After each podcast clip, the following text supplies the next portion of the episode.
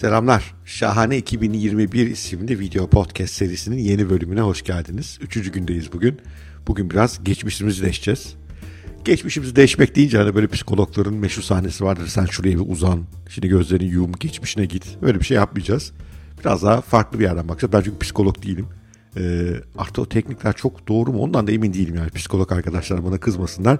Ben biraz daha farklı bakış açısıyla olayı çözmeye çalışacağım.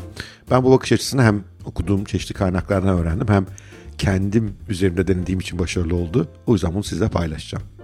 Bir kere şunun üzerine bir anlaşalım. Pek çok araştırma şunu gösteriyor. Geçmişi nasıl algıladığımız bugünkü ruh halimize, bugün içinde olduğumuz duruma bağlı olarak değişiyor.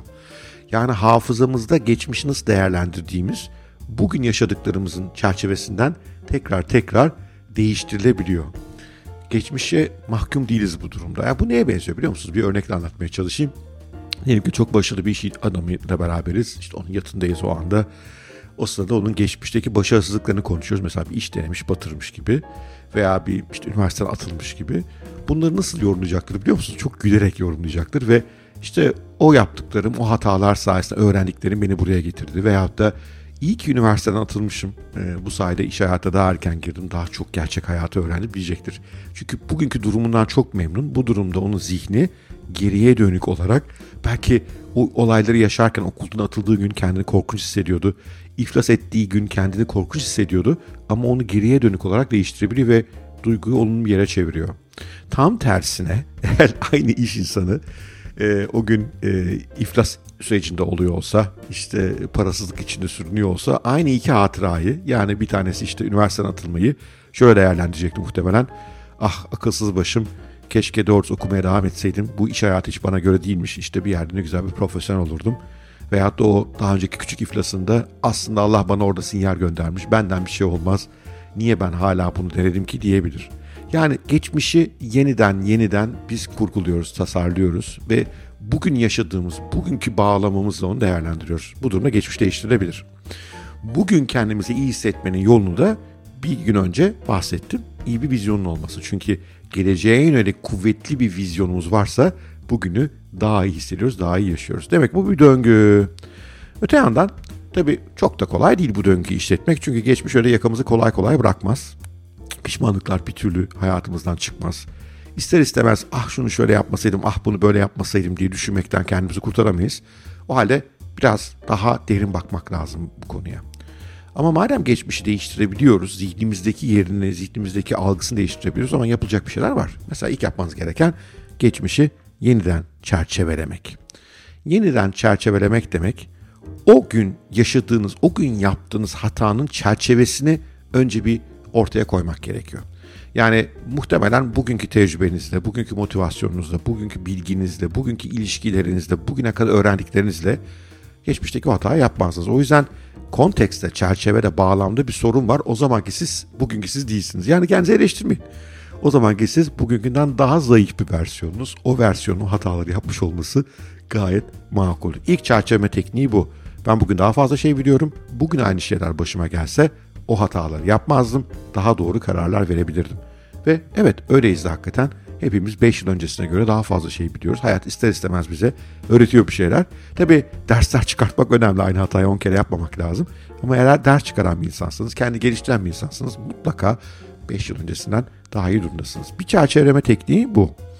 İkinci çerçeveleme e, tekniği e, olaya başınıza gelen e, bir şey gibi bakmayıp iyi ki bana olmuş çerçevesinden bakmak. Şimdi bu biraz enteresan gelmiş olabilir. Okuldan atıldınız üniversiteden. Tabii ruh hali çok kötü. Bu benim başıma neden geldi? Bu benim hayatımı çok engelleyecek bir şey. Bu beni çok sarsacak bir şey diye bakıyor olabilirsiniz. Haklısınız da. Ama bunu biraz yeniden çerçevelersek belki şunu çıkarabiliriz. Ya hayat bana bir şey söylemeye çalışıyor. E, diyor ki bana sen akademik bir insan değilsin. Üniversite sana göre bir yer değil. Senin dışarıda yapacağın çok daha iyi şeyler var. Hadi git onları yap şimdi. Bakın yeniden çerçeveledik. Yani bir şey başıma geldi duygusundan çıkıyorum. Onun yerine geçmeye çalıştım duygu. İyi ki bu bana oldu. Bu benim için olan bir şey. Benim gelişmem, benim yeni şeyler öğrenmem için olan bir şey. Hayat bana yardımcı olmaya çalışıyor. Kendi başımdan geçen bir iki anıyla bu çerçeveleme tekniğini anlatmaya çalışayım. Bir tanesi E, ben lise sonunda okuldan atılmak üzereydim. Bu arada şunu söyleyeyim yani Orta Doğu Teknik Üniversitesi'ni kazanana kadar benim hiçbir akademik başarım yok. Yani bizim zamanımızda işte ilkokuldan ortaokula giderken Anadolu liselerine girilirdi sınavlarını kazanamadım. Ortaokuldan liseye giderken fen liseleri sınavlarına girilirdi kazanamadım. Yani fena bir öğrenci değildim ama hani pek asılmıyordum açıkçası bu işlere. Ve bundan dolayı kendime güvenim biraz azdı. Üniversitede pek kazanamayacağımı düşünüyordum.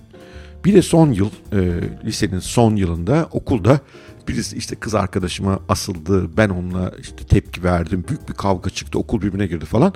Çok da sert bir okul müdürümüz vardı. Allah rahmet eylesin yakın zamanda e, kaybetmişiz. Adam haklı olarak bize okuldan atma kararını aldı. E, dedi ki bu kadar büyük bir kavgaya sebep olan insanları okulda istemiyorum. Düşünebiliyor musunuz? Lise sondasınız. Artık üniversite sınavına yanılmıyorsam 4-5 ay vardı. E, zaten daha 5 bir sınav kazanamamışım. Şimdi bir de okuldan atılmak üzereyim. Perişan oldum. Sağ olsun rahmetli babam araya girdi. Okula gitti. İşte hocaları ikna etti. Diğer kavga ettiğim çocuğun babası da geldi. Beraber işte barıştık, anlaştık falan filan. Müdürü zorla ikna ettik ve okulda kalmayı başardım. Şimdi o dönemde bunu çok büyük bir e, sıkıntı olarak gördüm. Ya dedim bu son yıl başıma gelecek şey miydi bu? Benim sınava hazırlanmam lazım. Nereden geldi bunlar başıma? Moralim bozuldu. Bir de işte böyle okul kavgalarına karışmışsanız biliyorsunuz o iş böyle bitmez yani daha da uzar. Zaman zaman tehditler alırsınız, zaman zaman yine iç kakışlar olur. Ya son yıl bu başıma gelecek iş miydi diye düşündüm önceleri. Sonra babam sağ olsun bir gün diş hekimiydi kendisini. Beni muayenehanesine çağırdı. Oğlum bir gel bir konuşalım seninle dedi. Gittim.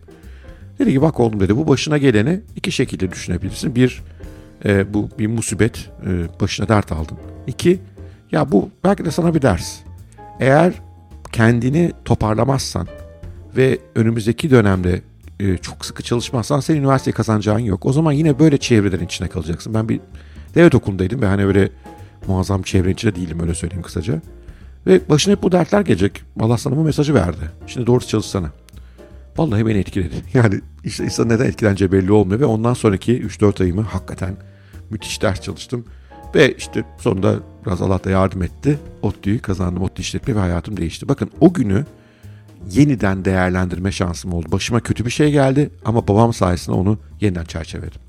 Çok benzer bir şeyi üniversite e, biterken yaşadım. Ben üniversite boyunca turist rehberliği yaptım ve bayılıyordum o işe. Düşünebiliyor musunuz? Genç bir üniversitedesiniz ve işte arkanızda 30 tane turist bütün Türkiye'yi geziyorsunuz. Güzel para kazanıyorsunuz. Güzel kız arkadaşlarınız oluyor. Harika bir hayat.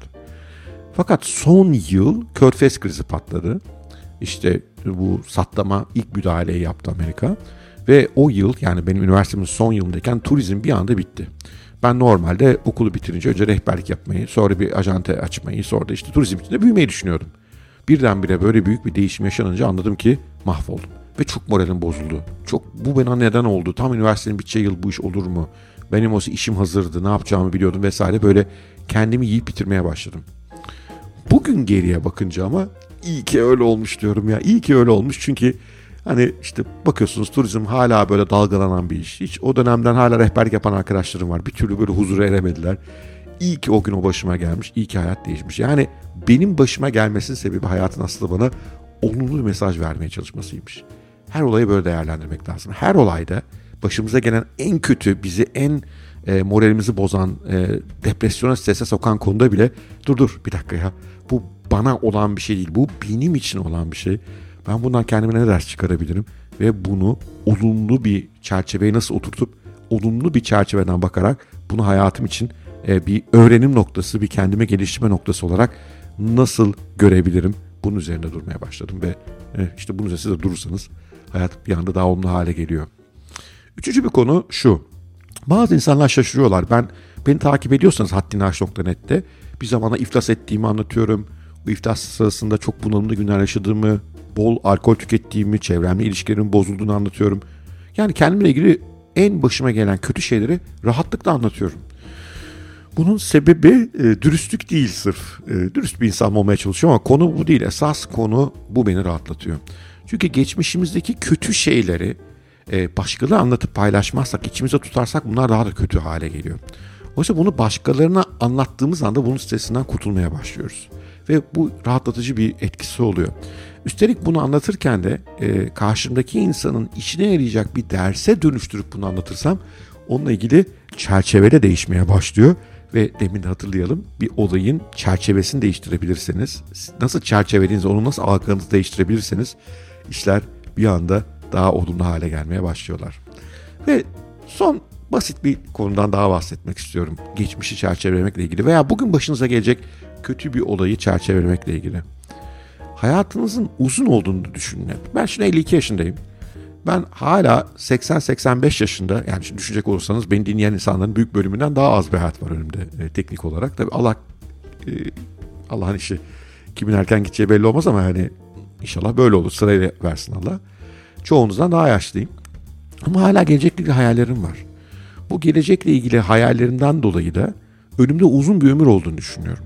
Önünüzde uzun bir ömür olduğunu düşündüğünüzde bugünün kötü olaylarının etkisini zaman için hafifletebileceğinizi, bu kötü olaylardan öğrendiklerinizle geleceğinizi yeniden yapılandırabileceğinizi ve orta uzun vadede daha iyi bir yere doğru yürüyebileceğinizi görürsünüz.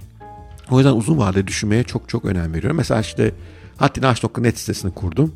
İşte benim hedefim 1000 ücretli abone olması. Şu anda 110 kişi oldu 2 ayda. 110 kişi yeterli mi? Değil tabii yani 110 kişiyle geçinilmez ama ömür uzun. Ben gelecek yıl bunun 1000'e çıkacağını düşünüyorum. Ve daha bu sitenin üzerinden 20-30 yıl daha inşallah geçim elde etmek. Bunu belki çocuklarıma bu işi bir miras olarak bırakmayı hayal ediyorum. İşte böyle bir perspektife geçtiğinizde uzun vadeli düşünme perspektifine e, o zaman geçmişin de bugünün de kötü olaylarını farklı şekilde çerçeveleyebiliyorsunuz. Evet. Bugünlük de böyle. Kötünün etkisinden, geçmişin zorluklarından kurtulmanın yöntemlerinden bahsettim. Onu nasıl yeniden çerçeveleyebileceğimizden, o günle ilgili algımızı nasıl değiştireceğimizden. Bu için gelecekle ilgili olumlu vizyon olmanın ve uzun vadeli düşünmenin faydalarını da biraz ortaya koymaya çalıştım. İkisi birleşince daha olumlu, daha pozitif, o gelecekteki hayalinize yönelik adımlar attığınız daha verimli günler yaşama ihtimaliniz açıkçası artıyor. O zaman da vizyona doğru yürüyorsunuz. O zaman 2021 daha şahane oluyor. Evet, bugünkü video podcast'ta bu kadar. Umarım ilginizi çekmiştir her zamanki gibi. Sizden ricam lütfen bir like, bir yorum çok iyi olur. Nereden bunu izliyor veya dinliyorsanız arkadaşlarınızla paylaşırsanız ayrıca süper sevinirim. Keşke daha fazla insana ulaşabilsek. Sevgiyle kalın, hoşça kalın. Yarınki yeni bölümde görüşmek üzere diyorum.